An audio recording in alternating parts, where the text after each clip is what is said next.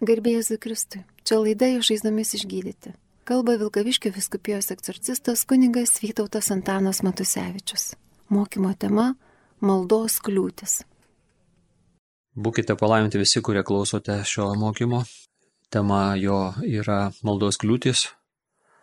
Ir stuburas šio mokymo priklauso Džonui Makselui. Iš karto pasakysiu punktus, turėtų būti 10 punktų. Bet žinoma, tai bus ir viena kita jums kalbančio kunigo mintis, viena kita kitur girdėta ar perskaityta mintis. Tai pirmiausia punktai. Pirmas - neišpažinta nuodėmė kaip kliūtis maldai. Tikėjimo stoka. Nepaklusnumas. Nepaklusnumas turime omenyje Dievui. Nepakankamas atvirumas su Dievu ir kitais. Netleidimas. Neteisingi ketinimai stabai mūsų gyvenime, nepagarba kitiems, nepagarba Dievo viršenybei, žmogaus valia, kuri nepaklūsta, nepavaldi Dievui. Pirmiausiai norėčiau pasakyti, pabrėžti, kad malda yra žmogaus gyvenime labai svarbi, čia nieko naujo. Malda dvasios žinovai, dvasingi žmonės vadina žmogaus kaip žmogaus kvėpavimas kaip žmogaus kvėpavimas yra labai svarbus gyvybiškai būtinas, kad žmogus galėtų gyventi oras, degonis, taip ir malda žmogaus gyvenime yra labai svarbi, gyvybiškai svarbi, nes be maldo žmogus negali gyventi. Ir žinoma, maldoje dalyvauja du - Dievas ir žmogus. Dievą galime palyginti su žmogaus širdim, tai pagrindinis organas, Dievas maldoj atlieka tarsi širdies funkciją, žinoma, čia toks kaip palyginimas, o žmogus, kuris meldžiasi, atlieka tarsi plaučių funkciją. Ir jeigu iš tikrųjų žmogus eina prie Dievo ir turi tą tikrą ryšį su viešpačiu Dievu, tai tada jo gyvenimo centre stovi Dievas ir plaka kaip širdis po visą organizmą, tai reiškia po visą gyvenimą, varinėja kraują. Ir žmogus, kuris meldžiasi, besimeldžiantis žmogus, tai turi tą kvėpavimą ir tada kaip atlieka plaučių funkciją, teikia deguonį visiems organams, kiekvienai lasteliai. Tai tobulas žmogus yra tas, kuris turi sveiką e, širdį, sveikus plaučius, kuris meldžiasi turėdamas artimą ryšį su viešpačiu Dievu, meilės ryšį, malonės ryšį, kurio centre stovi viešpats Dievas, kuris pažįsta Dievą, jam paklūsta, girdi, supranta Dievo žodį, supranta jo valią ir atsiliepia. Taigi pirmoji maldos kliūtis - neišpažinta nuodėmė. Galima sakyti, kad nuodėmę mes pirmiausia turime pažinti ir ją pripažinti. Po to seka išpažinimas. Tai didžioji šių laikų ir šių laikų žmogaus problema, sunkumas, kad dažnas žmogus nepažįsta nuodėmės arba dažnas net ir pažinęs ją teisinasi, ginasi, neigia. E, neišpažinta nuodėmė yra labiausiai paplitusi maldos kliūtis. Tačiau gera naujiena yra ta, jog kai mes išpažįstame nuodėmę, Dievas mums nuodėmę atleidžia. Jau Sename testamente per pranašą Ezechielį Dievas kalbėjo savo tautai. Tai kalba ir mums. Nenoriu nusidėlio mirties, bet kad atsiverstų ir gyventų. Taigi Dievas apstus gailestingumo ir džiaugiasi galėdamas mums atleisti nuodėmes. Kai Dievas mums atleidžia nuodėmes, ji pasitraukia. Su ta praeitimi, nuodėminga praeitimi viskas baigta. Atsakomybė už ją yra pašalinta, nuodėmė sunaikinta. Pranašas Jeremijas 31 skyriuje 34 eilutėje kalba. Čia Dievas kalba per jį, aš atleisiu jų kaltę ir jų nuodėmės nebeprisiminsiu mes ne tik gauname atleidimą, Dievas iš tiesų užmiršta mūsų praeities nuodėmes. Ta akimirka mūsų santykiai su yra atstatomi ir maldos vėl įgyja savo galę. Mūsų praeities poelgi vis dar gali turėti pasiekmes, tačiau pati nuodėmė mums yra atleista. Ir čia pasakyta labai stiprų žodžiai. Dievas pamiršta žmogaus nuodėmes. Mes labai dažnai jų nepamirštam. Piktoji dvasia labai dažnai mums jas primena, kad mes būtume kaltėjai. Bet Dievas pamiršta tas nuodėmes, Dievo jos tarsi išnykę. o galbūt ir iš tikro išnykę. Prisimenu, kažkada skaičiau apie vieną e, mistikę. Labai paprasta ta mistikė, galbūt nebuvo labai intelektualiai išsilavinusi, bet jinai turėjo labai artimą ryšį su viešpačiu Dievu. Dievas jai dažnai apsireikždavo, kalbėdavo, jinai galbūt net ir matydavo viešpatį Jėzų. Ir jinai visus tuos susitikimus su Jėzumi, tuos apsireiškimus pasakodavo savo nuodėmklausiui, kuris buvo skeptiškas, kuris nelabai tikėjo, kad šitai moteriai gali Jėzus pasirodyti. Tai vieną kartą jisai po jos tokio atviro pasidalinimo e, pasakė, paprašyk Jėzaus, kad pasakytų mano tavo nuodėmklausio nuodėmės.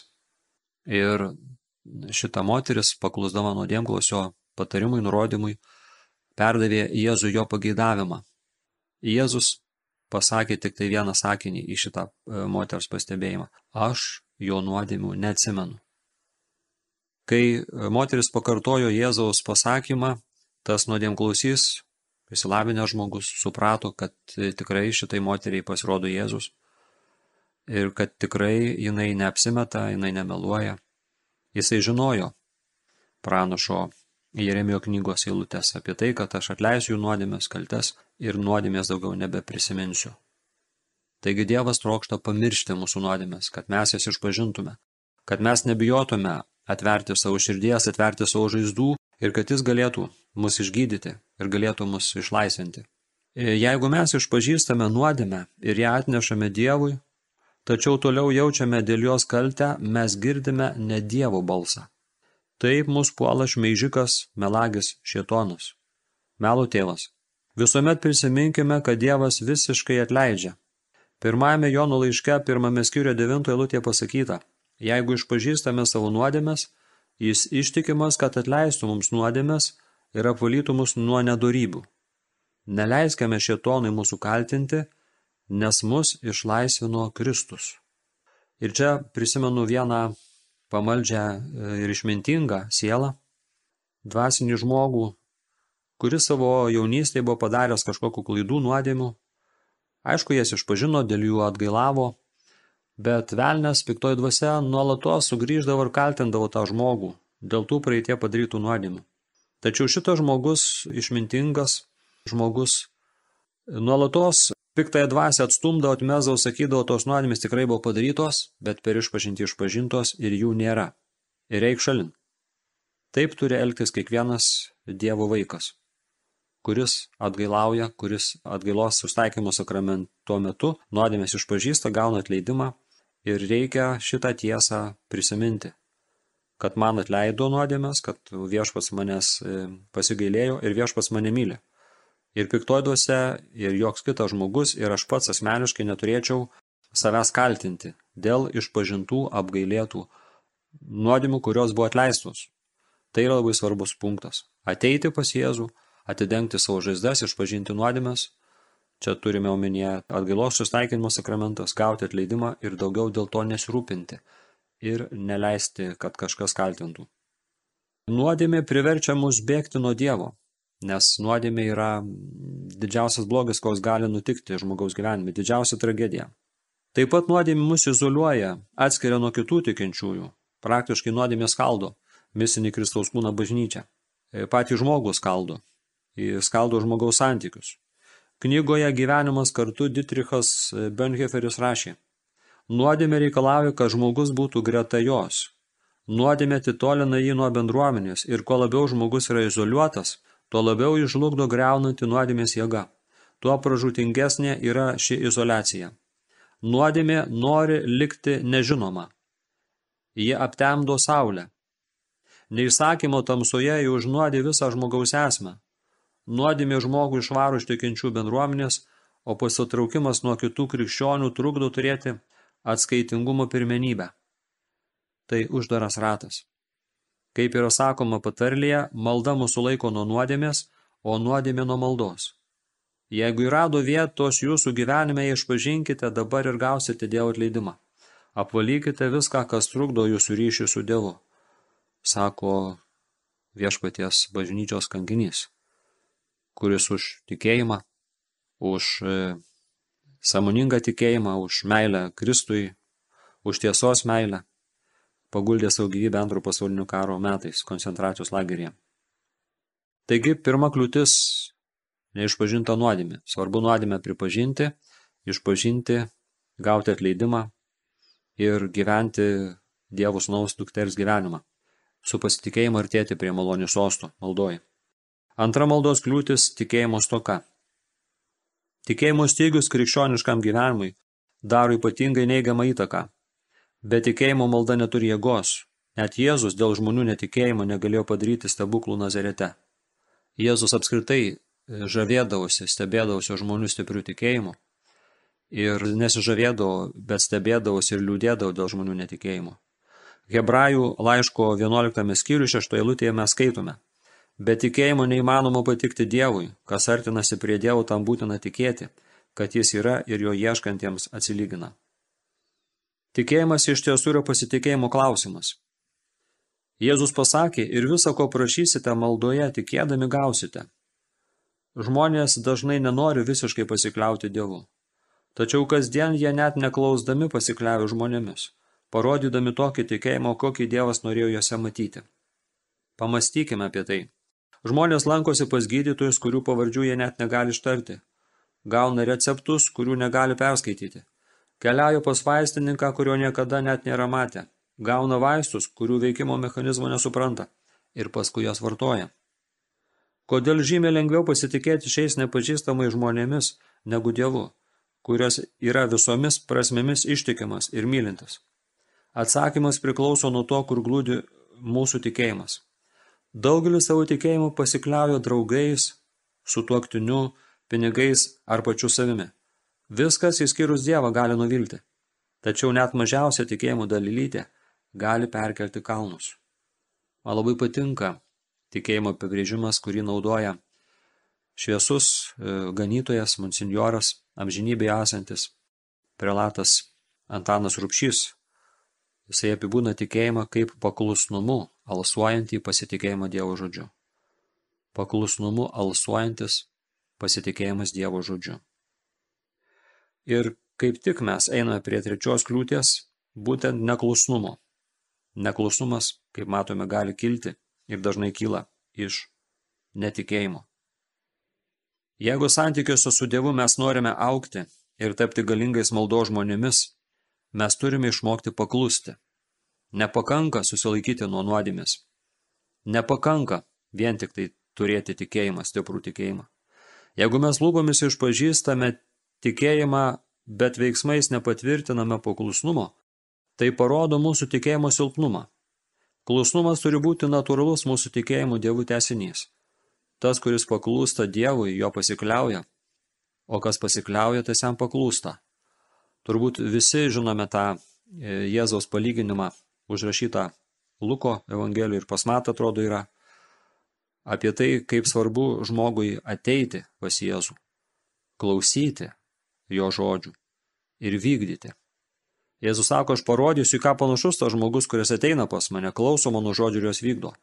Jis panašus į žmogų, kuris pasistatė namą ant uolos, iškasė uoloj pagrindą, pamatą ir pastatė ten namą. Kai atėjo išmėginimai, tas namas nesugriuvo, nes buvo pastatytas ant uolos. Taigi, ateiti pas Jėzų, klausyti ir vykdyti. Tas vykdymas Dievo žodžių, gyvenimas pagal Dievo žodį, jis yra labai svarbi sąlyga, jeigu norime, kad viešpats išklausytų mūsų maldas. Ir šiomis e, paskutinėmis savaitėmis e, šitą mintį man e, viešpats Dievas kalba įvairiausiais būdais, bent per keletą žmonių klusnumo svarbą pabrėžia. Nes viena mintis, kurią išgirdau, kad vakariečiai, šiuolaikiniai žmonės, jie patenka į vieną pagundą žinoti, turėti tokį teorinį, teologinį žinių bagažą bet dažnas šio laikinis žmogus negyvena tuo, ką žino. Ir tai yra tam tikras trukdymas žmogui melstis, nes paklusti viešpaties balsui, paklusti viešpaties žodžiui yra labai svarbu. Tai ir meilės klausimas, tai ir tikėjimo klausimas, tai ir tikro krikščioniško žmogaus gyvensenos ir širdies klausimas. Normanas Vincentas Pilas pasakojo savo vaikystės istoriją, kuri leidžia suprasti, kaip nepaklusnumas trukdo mūsų maldoms. Būdamas berniukas kartais rado didelį juodą cigarą. Vaikas patraukė į alėją, kur, kaip jis manė, niekas jo nepamatys ir jis susidegė cigarą. Kai jis susirūkė, suprato, kad tai nėra taip jau malonu, tačiau žinoma pajuto jo kūktelėjo. Išpūsdamas dūmus berniukas pastebėjo, kad alėja jo kryptime eina žmogus. Kai žmogus priartėjo, jis susiaubu suprato, kad tai jo tėvas. Buvo per vėlų išmesti cigarą, todėl vaikas jį paslėpė už nugaros ir stengiasi elgtis kaip paprastai. Jie pasisveikino ir priversdamas jaunai Normaną sutrikti, tėvas ėmė su juo kalbėtis.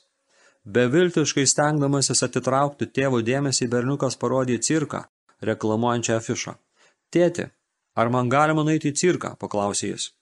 Ar bus galima man nueiti, kai jis atvyks į miestą? Prašau, tėti.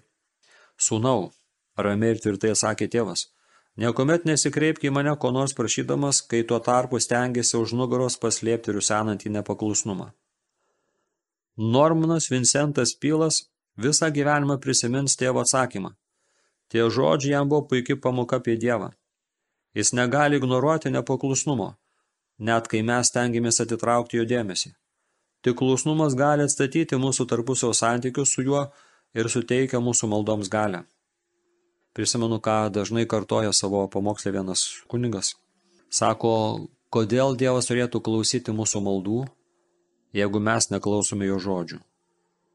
Iš tikrųjų, turbūt pirmiausia mes turėtume paklusti viešpaties Dievo žodžiui, kad Dievas galėtų išklausyti mūsų maldas. Nes Dievas visą laiką imasi iniciatyvos ir mums kažką apreiškia. Per savo žodį, per gyvenimo įvykius ar per kitus žmonės, tikėdamasis, kad mes atsiliepsime, nes tikėjimas tai yra atsiliepimas. Ir Dievo žodžio, o tai reiškia ir maldos, tikslas yra atsiliepti į tai, ką viešpats kalba. Nes maldoje svarbu ne tai, ką mes sakome Dievu, nes jis ir tai viską žino, bet svarbu, kad mes išgirstume Dievo žodį ir atsilieptume į jį. Taigi klusnumas. Svarbus neklusnumas kaip trečioji kliūtis. Ketvirta maldos kliūtis nepakankamas atvirumas su Dievu ir kitais. Jokūbo laiške penktame skyriuje 16 eilutėje sakoma, išpažinkite vieni kitiems savo nusižengimus ir melskitės vieni už kitus, kad būtumėte išgydyti. Jokūbas dalyjasi tiesa apie Dievą, kai mes vieni kitiems išpažįstame nuodėmės ir melžiamės vieni už kitus, kas reikalauja visiško atvirumo, Dievas gali mus išgydyti ir apvalyti. Mes išgyvename dvasinį, fizinį ir emocinį atnaujinimą. Be to mūsų atvirumas padeda kitiems – parodydamas, kad jie nėra vieniši savo sunkumuose. Tas pats jau paminėtas aukščiau Dietrichas Bönheferis rašė apie atvirą pokalbį su tikinčiaisiais. Jis kalba, per nuodėmės išpažinimą Evangelijos šviesa įsiveržia į tamsą ir širdies vienatvę. Nuodėmė turi būti iškelta į šviesą. Neįsakyti dalykai turi būti išreikšti žodžiais ir pripažinti. Visa, kas yra paslaptis ir yra nuo žmonių paslėpta, pasidaro aišku. Tai sunki kova vykstanti tol, kol nuodėmė nebus atvirai pripažinta. Tačiau Dievas išardo varinius vartus ir geležinius užraktus. Mūsų brolis nutraukia savapgaulės ratą. Žmogus, kuris dalyvaujant brolių išpažįsta savo nuodėmę, žino, kad jis daugiau nebėra vienas. Jis pajunta Dievo buvimą dalyvaujančio brolių pavydalu. Išpažįstant nuodėmę sunkiausia būti sažiningam. Savimeilė yra sustrenkimo arba suklupimo akmuo, nes kyla grėsmė suduoti smūgį mūsų įvaizdžiui. Su tuo kovoja visa mūsų visuomenė. Kiekvienas nori savo trūkumais ir problemomis apkaltinti kitą. Ir galbūt šaknis šito nenoro būti nuoširdžiu atviru Dievui ir žmonėms, broliams, yra puikybė. Nes nuolankus žmogus nebijo pripažinti ir savo, ir kitiems, ir Dievui savo silpnumo, savo varganumo. O išpuikę žmogus jisai teisinasi, bando perkelti atsakomybę nuo savo pečių ant kitų žmonių. Tai matome jau Seno testamento pradžios knygoje, kai sugauta nusikaltimo vietoje Doma, viešpats paklausė, ar kartais nevalgiai vaisiaus, kurį buvo uždraudęs valgyti ir jisai pasakė, kad moteris turėtų prisimti atsakomybę, nes jį sugundė, o moteris teisino, kad žaltys ją apgavo.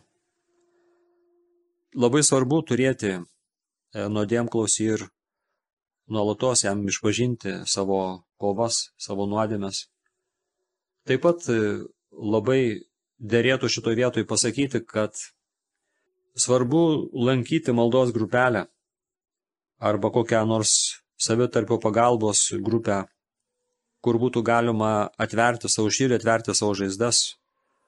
Ar tai būtų anonimi alkoholikai, jeigu kas turi tą priklausomybę. Ar tai būtų alanonas, jeigu kas gyvena su priklausomu žmogum. Ar tai būtų tiesiog maldos grupėje, ar kokia nors augusi alkoholikų vaikų bendruomenė, įsiskyrusių selovados grupelė, kur būtų galima kalbėti apie sausmus, apie savo žaizdas, kur būtų galima pasakoti, kaip aš jaučiuosi, kaip aš jaučiausi ir gauti tam tikrą pagalbą, prieimimą, palaikymą, padrasinimą. Žinoma, svarbiausia, kaip ir supratome, būti atviru ir nuoširdžiu išpažinties, sakramentinis išpažinties metu bet taip pat nebijoti apie savo silpnybės, apie savo kovas, pasidalinti su patikimais maldos grupelės bendruomenėlė žmonėmis. Aišku, labai svarbus žmonių konfidencialumas, kad tai, ką išgirsta, neištrimituotų, neišpasakotų, nepaskleistų, neištransliuotų. Ir labai dažnai aš pasigesdavau, kai lankydavau grupelės, būtent to atvirumo. Labai dažnai žmonės nedrįsta arba nenori būti atviri, nedrįsta pasakoti apie savo silpnumą. Ir pastebėjau, kai aš pats kaip kunigas išdrįsdavau ką nors papasakoti iš savo kovų, savo netgi pralaimėjimų, ar paprašydavau atvirai pasimelsti už vienokią ar kitokią mano intenciją silpną vietą, žmonės būdavo labai padrasinti. Nes Jėzus ragino nešioti vieni kitų naštas, kad taip įvykdytumėm viešpaties valią ir taip ateitų jo karalystė. Taigi, ketvirta maldos kliūtis – nepakankamas atvirumas su Dievu ir su broliais sesėmis. Dar viena kliūtis – neatleidimas. Sekmadienį mes klausėme Evangeliją, kai Petras priejas prie Jėzaus klausė, kiek kartų turėčiau atleisti savo broliui. Ar iki septynių kartų? Judėjų statymas reikalavo, kad žmogus tris kartus atleistų skriaudą. Petras, prileisdamas septynis kartus, manė, kad jis labai nuolaidus ir minkšta širdis. Ir galimas dalykas buvo giliai nustebęs, kai išgirdo Jėzaus atsakymą. Aš nesakau tau iki septynių kartų bet iki 77 kartų. Jėzus mėgino išmokyti Petrą, kad atleidimas nėra matematinis dalykas. Atleidimas nėra žodžių rinkinys, tai liečia širdį. Ir šventoji dvasia mums duoda jėgos atleisti. Kodėl svarbu atleisti? Atsakymą randame Mato Evangelijoje. Jeigu jūs atleisite žmonėms jų nusižengimus, tai jūsų dangiškasis tėvas atleis jums. O jeigu jūs netleisite žmonėms jų nusižengimų, tai jūsų dangiškasis tėvas netleis jūsų nusižengimų. Atleisti ir gauti atleidimą tai neatskiriama. Tas atleidimas kitam ir atleidimas gautas man yra kaip dviniai. Jei žmogus atsisako kitam atleisti, jis kenkia savo, nes atleidimo stoka gali užvaldyti ir sukelti jame kartėlį. O žmogus negali klauptis maldai, sielai turėdamas kartėlį ir negali jos užbaigti palaiminimais. Atleidimo dėka mūsų širdie gali karaliauti ne tik tiesa, bet ir šviesa. Šeštasis maldos kliuvinys – neteisingi ketinimai arba motyvai. Labai svarbu, kad mes būtume nuoširdus patys su savimi ir pažintume savo motyvus, kad suprastume, kodėl kažką darome ir kodėl prašome arba kaip prašome. Nes labai dažnai mes susidedam kaukę prie žmonės, prie save bandom apgauti save ir kitus ir mums dažnai tai pavyksta. Bet kas netaip smagu, mes bandom apgauti ir viešpati Dievą, kurio niekada neįmanom apgauti. Kartais mums būna sunku kokioje nors situacijoje susigaudyti ir Dievas tada ateina mums į pagalbą, parodydamas mūsų ketinimus, atidengdamas mūsų paslėptus dalykus. Atsimnu vieną kartą pamokslo metu skaičiau iš vienos knygos apie vieną vyrą, Šakarianą, kuris atvykęs į vieną parapiją, sustikdamas su tos parapijos e, lyderiais, norėjo daryti evangelizaciją. Ir kažkas paklausė, o kokie tavo ketinimai, bet tai buvo toksai posakis, bet kas iš tikrųjų tavo rankovėje? Ir tas vyras sakė, mano ketinimai patys nuoširdžiausi, aš jokių savanaudiškų interesų e, neturiu.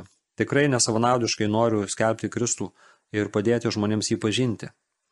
Tas mano pamokslas truko ganėtinai ilgai ir parapiečiai dažnai man skūsdavosi, kad tavo pamokslai yra ilgi ir aš įsileidau kažkokį tai kaltinimą. Pradėjau kaltinti save, kad gal čia ne iš Dievo, kad čia gal kažką iš savęs darau. Ir kaip nustebau, kad iš karto po šito pamokslo, kuriame šitą istoriją Šakarijanų skaičiau, Dalinant komuniją, vienas komunikantas, viena ostija iškrito iš mano rankų ir pasilenkęs niekaip negalėdavau surasti.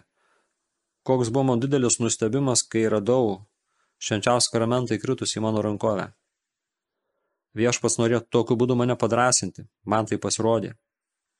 Suprantu, kad viešpats Dievas turi gerą humoro jausmą. Ir iš tikrųjų viešpats ne tik tais nori parodyti mūsų motyvus, bet viešpats Dievas labai dažnai nori mus ir padrasinti. Taigi nebijokime paprašyti viešpaties, kad jisai atskleistų mūsų tuos ketinimus, neteisingus ketinimus, klaidingus ketinimus bet e, kad jisai atskleistų ir mūsų tuos netikrus, kartais savanaudiškus motyvus. Nes tuomet daugiau malonės ateis mums ir daugiau malonės ateis kitiems žmonėms ir viešpaties vardas bus išaukštintas ir viešpas bus pašlovintas. Taigi nebijoti pažinti savo neteisingus ketinimus arba klaidingus motyvus arba savanaudiškus motyvus. Nebijoti, kad viešpat šitoje vietoje mus mokys ir laisvins. Septinta maldos kliūtis stabai mūsų gyvenime. Apie stabus kalba daug ir Senasis ir Naujasis testamentas. Pavyzdžiui, mylimasis Jėzaus mokinys Jonas vieną iš savo laiškų baigia tokiais žodžiais – vaikeliai, saugokite stabų. Dauguma žmonių galvoja apie stabus. Kai galvoja apie stabus, jie įsivaizduoja statulas, kurios yra garbinamos kaip dievai. Ir atsimenu, kažkada skaičiau knygą Ten buvo pasakoma apie vieną bažnyčios ganytoją, kuris labai buvo susirūpinęs, kad jo parapiečiai, jo tikintieji daro mažai pažangos. Jam visą laiką atrodė, kad problema yra juose. Bet viešpats Dievas pradėjo kalbinti jo širdį ir leisti jam suprasti, kad ne, ne tik tavo ganomuosiuose yra problema, kad ir tau reikėtų kažką iš esmės pakeisti. Ir vieną naktį tas ganytojas Erlo Štegenas, Pietų Afrikos Respubliko misionieriavęs, pamatė tokį sapną, pamatė pagonišką šventyklą, kurie buvo daug labai visokių drožinių ir stabų. Ir į tą šventyklą pasimelsi atėjo vienas žmogus. Jisai prieš kiekvieną tą drožinį parpuldavo ant kelių ir galo paliesdavo grindis, kiekvieną tokiu būdu pagarbino ir taip ėjo nuo vieno stabo prie kito. Kaip buvo nustebintas šitas e, žmogus, šitas dievo tikintysis, kai atsisukęs veidų, to žmogus pasirodė esas jis pats. Jam buvo šokas, niekaip negalėjau patikėti, kad jis turi tiek stabų. Ir paskui viešpats Dievas jam vieną po kito rodė tuos stabus. Ir jam reikėjo atgailauti, atgailo jisai išpažino viešpačiui, atsiprašė.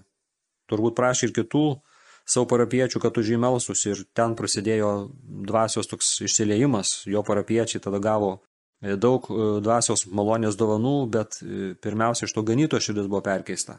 Pirmiausia, jo širdie šventoji buvo apvalyta nuo stabų. Tada Dievas išklausė jo maldas ir tuomet įvyko tas dvasinis prabudimas toje apylinkėje.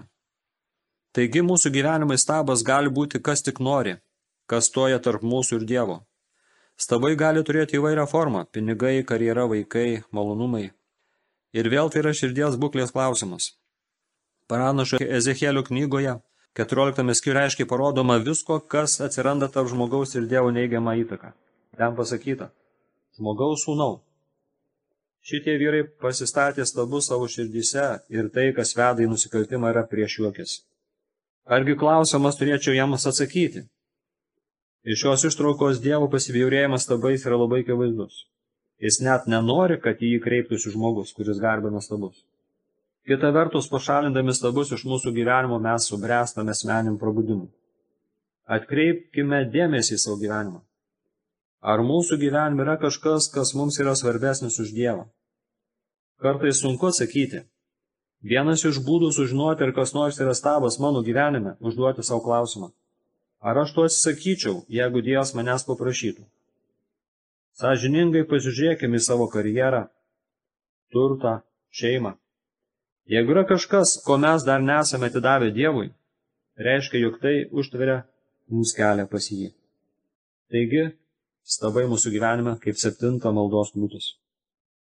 Aštuntoji maldos kliūtis – nepagarba kitiems. Dievo perspektyva yra plati. Kaip sakoma psalmėje 33 iš dangaus žvelgia viešpats ir stebi visą žmoniją. Jis myli kiekvieną žmogų ir nori, kad mes taip pat rūpintumėmės kitais. Kai mes parodome nepagarbą kitiems, tas jį skaudina. Vienas iš papildomų maldos pranašumų yra tas, kad malda padeda mylėti kitus. Neįmanoma, kad žmogus nekestų arba kritikuotų tą, už kurį meldžiasi. Malda išugdo kantrybę, pašalina konkurencijos jausmą. Pavyzdžiui, Bilas Klasenas dažnai pasakojo istoriją apie save, kai jis dar buvo jaunas krikščionis. Jis prisiminė, jog po daugelio sekmadienio pamaldų pietums jis turėdavo keptą bažnyčios ganytoją. Jis gana žiauriai kritikuodavo tos bažnyčios vadovą. Tačiau, kai jis pradėjo aukti maldos gyvenime, Dievas ėmė laužyti jo požiūrį į ganytojus, vadovus. Kritikos dvasia ištirpo ir pavirto užuojautą. Ir galiausiai jis pradėjo savo maldos tarnystę partneriai maldoje, kurios tikslas skatinti parapiečius melsi su savo ganytojus, pastorius ir kunigus. Tai buvo kardinalus posakis. Pagalvokime, kiek šiandien yra kritikos, kiek šiandien yra negeranoriškos kritikos Kaip labai šiandien žmonės žemina vienas kitą, kiek patyčių šeimose, mokykloje, darbovietėje. Tai tampa tarsi norma. Per tai žmonės labai sužeidžiami, gauna emocinius sužeidimus. Tie atmetimai greuna žmogaus santykių su pačiu savim, pasitikėjimą, varo į kompleksus. Ir žmogui tada sunku ateiti net ir į maldą, nes toj maldoje jisai sužeistas psichologinės problemos, emocinės problemos, labai trukdo žmogui melstis, patirti tikrą santykių su Dievu. Pagarba žmogui, pagarba gyvybė yra labai svarbu. Devintoji maldos kliūtis – nepagarba Dievo viršenybei. Arba, kitaip sakant, nepažinimas Dievo kaip tėvo. Aš tvirtai tikiu Dievo viršenybę, sako Jonas Maxwellas. Manau, kad tikėjimas jo viršenybė kartu su kitomis tiesomis man padėjo sunkumuose. Per daugelį metų nenupulti. Žinau, kad Dievas mane visiškai gerai pažįsta, žino, kas yra man geriau. Pranašas Jeremijas kalba. Pažinau tave prieš tau gimstant, pašventinau tave ir paskiriau pranašų tautoms. Taigi, kai Jėzus mokė mokinius melsis, jis pirmiausia liepė, kad jie gerbtų Dievą tokį, koks jis yra iš tikrųjų. Tėve mūsų, kuris esi danguje. Tiesie šventas tavo vardas. Tėteinė tavo karalystė. Tiesie tavo valia, kaip danguje, taip ir žemėje. Tai pripažinimas, kad Dievas vadovauja. Jis viešpatauja. O tai nustato mūsų santykius su juo. Vaiko esančio tėvo valdžios santykius. Ir kas kart, kai mes nepagarbiai žiūrime į Dievo tvarką, mes išeiname iš klusnumo ribų ir trukdome tarpusio santykiams su mūsų dangišku tėvu. Neseniai klausiau vieną pamokslininką, kuris kaip tik kalbėjo apie šitą viešpaties maldą. Mane labai palėtė jo, jo žodžiai, paklausykime dalinosi labai atvirai tas ganytojas savo maldos patirtimis, išmintingas, įslavinęs, biblistas. Yra vienas dalykas, kuris mane visada sujaudina, kai susimastau apie maldą Tėvę mūsų. Jėzus kalba, kad pirmasis Tėvė mūsų maldos prašymas ne antras ir ne paskutinis. Tai nėra kreipinys Tėvė mūsų duok man pinigų, arba Tėvė mūsų noriu būti sveikas. Arba tėve mūsų noriu būti gražus. Ar tėve mūsų noriu baigti studijas. Tėve mūsų duok man vyrą. Tėve mūsų pastatyk man namus. Tėve mūsų duok man automobilį. Netgi tai nėra tėve mūsų. Apgink mus nuo nuodėmis. Tai nėra pirmas prašymas. Paskutinis prašymas yra gink mus nuo pikto. Tačiau pirmas dalykas Dievo vaikui, kuris myli savo tėvą, ir kuris mato, kad gimdytojas jį myli, yra tiesie šventas tau vardas. Kai kurie Biblijos vertimai šį teiginį verčia, padaryk, kad tau vardas būtų gerbiamas, kad aš taip jį gerbčiau ir taip gyvenčiau, įdant žmonės pradėtų tave viešpatie Dievę gerbti ir garbinti. Bet tai yra tik viena šios formuluotės prasmė. O žydams tai buvo labai svarbus maldos punktas. Dievo vardo garbinimas buvo vienas iš aukščiausių ir svarbiausių pamalda už žydo Izraelito religinio gyvenimo tikslų. Izraelitas tikėjo, kad gyvena tam, jog pirmiausia pagarbintų, padarytų šventą Dievo vardą.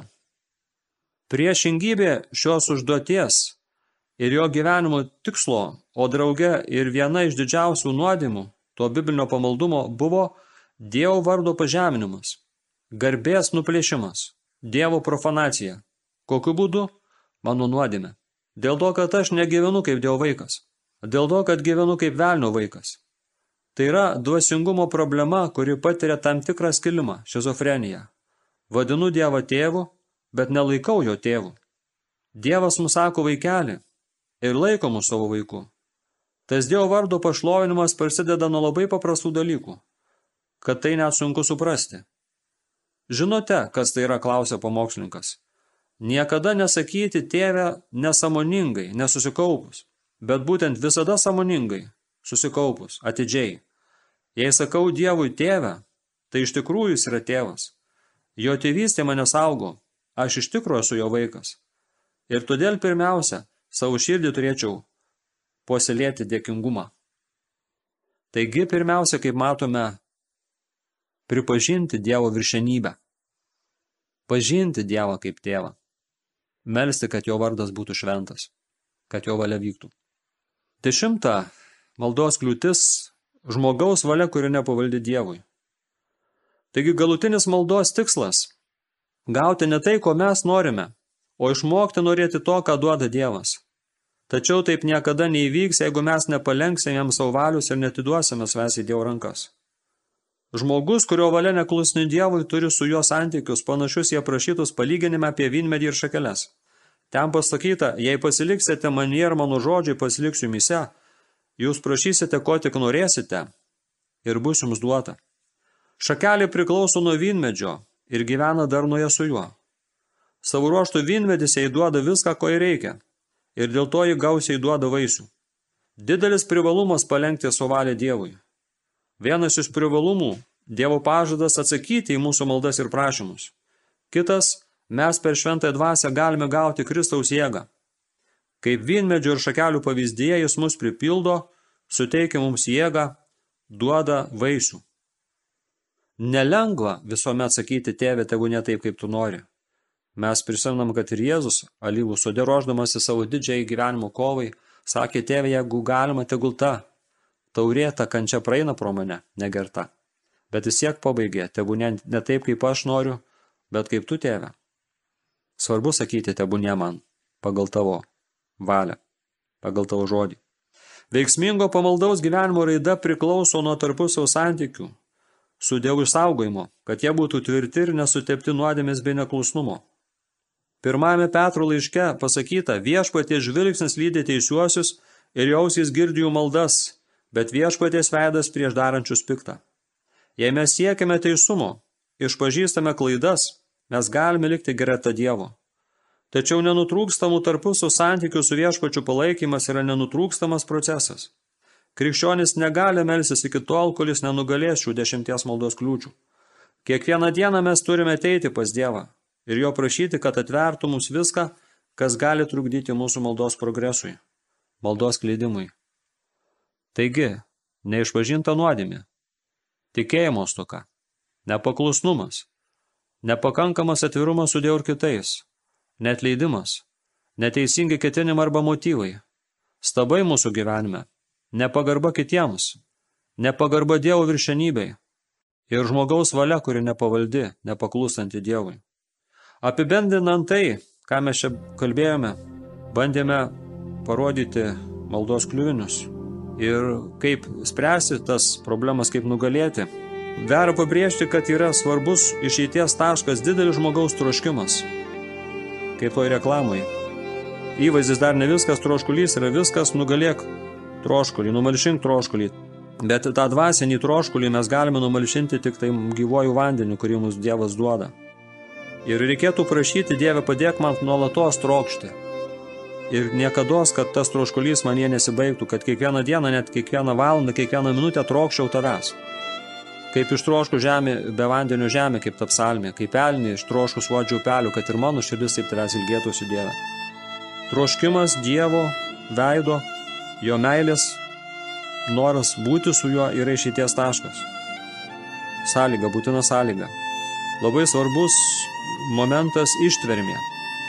Ištverti, tuomet, kai Dievas atrodo nekalba, tuomet, kai atrodo Dievas pasitraukia, tuomet, kai sunku, tuomet, kai nusidedu, tuomet, kai pralaimiu, tuomet, kai pasijaučiu vienišas, vis tiek melstis, tuomet, kai ateina liūdėsys, vis tiek melstis, rinktis maldą, aukotis, deginti savo laiką, skirti savo laiką maldai. ištikimybė, ištvermė. Ir svarbus nuolatinis sėdėjimas prie Jėzaus kojų, kaip Marija pasirinkusi geriausią dalį Lozeriaus sesuo Marija, kuri nesirūpino Jėzui patarnauti kaip Morta, bet atsisėdusi žiūrėjo į jį ir klausėsi jo žodžių. Kad ir mes kiekvieną dieną pradėtume atsisėsdami prie Jėzaus kojų, nesirūpindami darbais, nenudirbamais rūpestėliais ir taip toliau, būtimi, bet būtimi. Pirmiausia būti, o paskui sutvarkyti būtį. Tai Dieve padėk.